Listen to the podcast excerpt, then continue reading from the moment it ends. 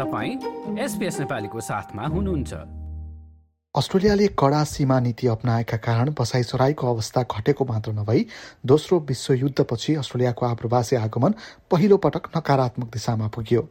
तर गत वर्षदेखि सीमा खुलेसँगै उल्लेख्य मात्रामा विद्यार्थी र आप्रवासी भित्रिएका छन्। सरकारले थप आप्रवासी भित्र्याउन थालेका योजनाको परिणाम पनि देखिन थालेको छ। पछिल्लो सरकारी भनाइलाई मान्ने हो भने अस्ट्रेलियाको बसाई सराई अब महामारी अघिकै अवस्थामा पुगिसकेको छ।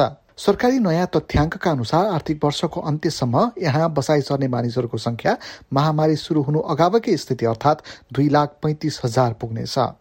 यसपछि पनि यो स्थिर रहने सरकारको भनाइ छ अस्ट्रेलियन नेशनल विश्वविद्यालयकी जनसङ्ख्याविद क्युङ वाङ आप्रवासी नहुँदा अस्ट्रेलियाको श्रम बजारमा ठूलो असर पुगेको बताउँछिन् We know that migrants, particularly including temporary migrants, um, skilled migrants, and as well as international students and working holiday visa um, recipients, they've been playing a very important role in in the Australian labor market. They're uh, filling the gaps in the labor market and a large proportion of them gradually becoming skilled migrants, more permanent skilled migrants in Australia and filling the more skilled section in the labor market. So in the long term, I think it's um, it's a positive uh, sign once we recuperate to pre-pandemic level in terms of international migration.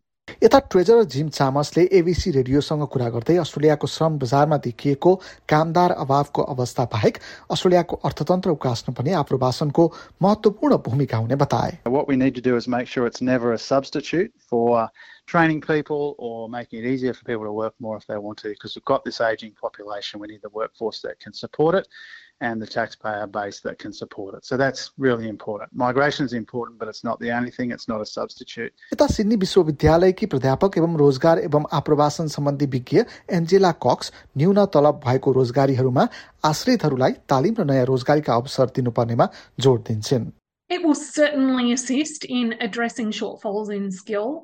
We need to be careful, though, that it is not something that enables poor quality jobs to persist. When we lost huge numbers of migrant workers, what became evident was there was a huge amount of poor quality work on offer, and local workers wouldn't take that kind of work when we create better quality jobs, we invest in workers who invest in the organisation, and that translates into higher levels of competitiveness and social progression. आप्रवासनमा उल्लेख्य सुधार हुनुमा चाहिँ अन्तर्राष्ट्रिय विद्यार्थीहरूको ठूलो हात रहेको मानिन्छ।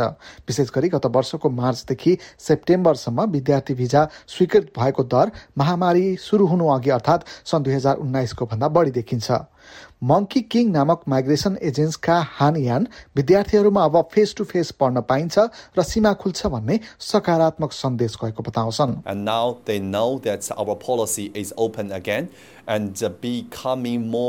Um, transparent. I think that's a very important word that uh, we're showing to all the um, new migrants that uh, Australia is open again. And uh, yes, please come to Australia. And we, you know, we are glad to invite all the uh, young talented people to Australia.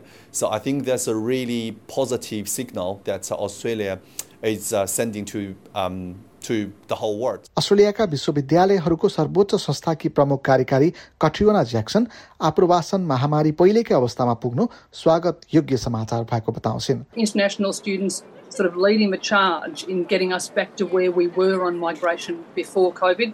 This is so important for getting us back into the sort of state of economic health we need to be in. Uh, also, noting that around the world, lots of countries are looking at a much gloomier economic position than we are.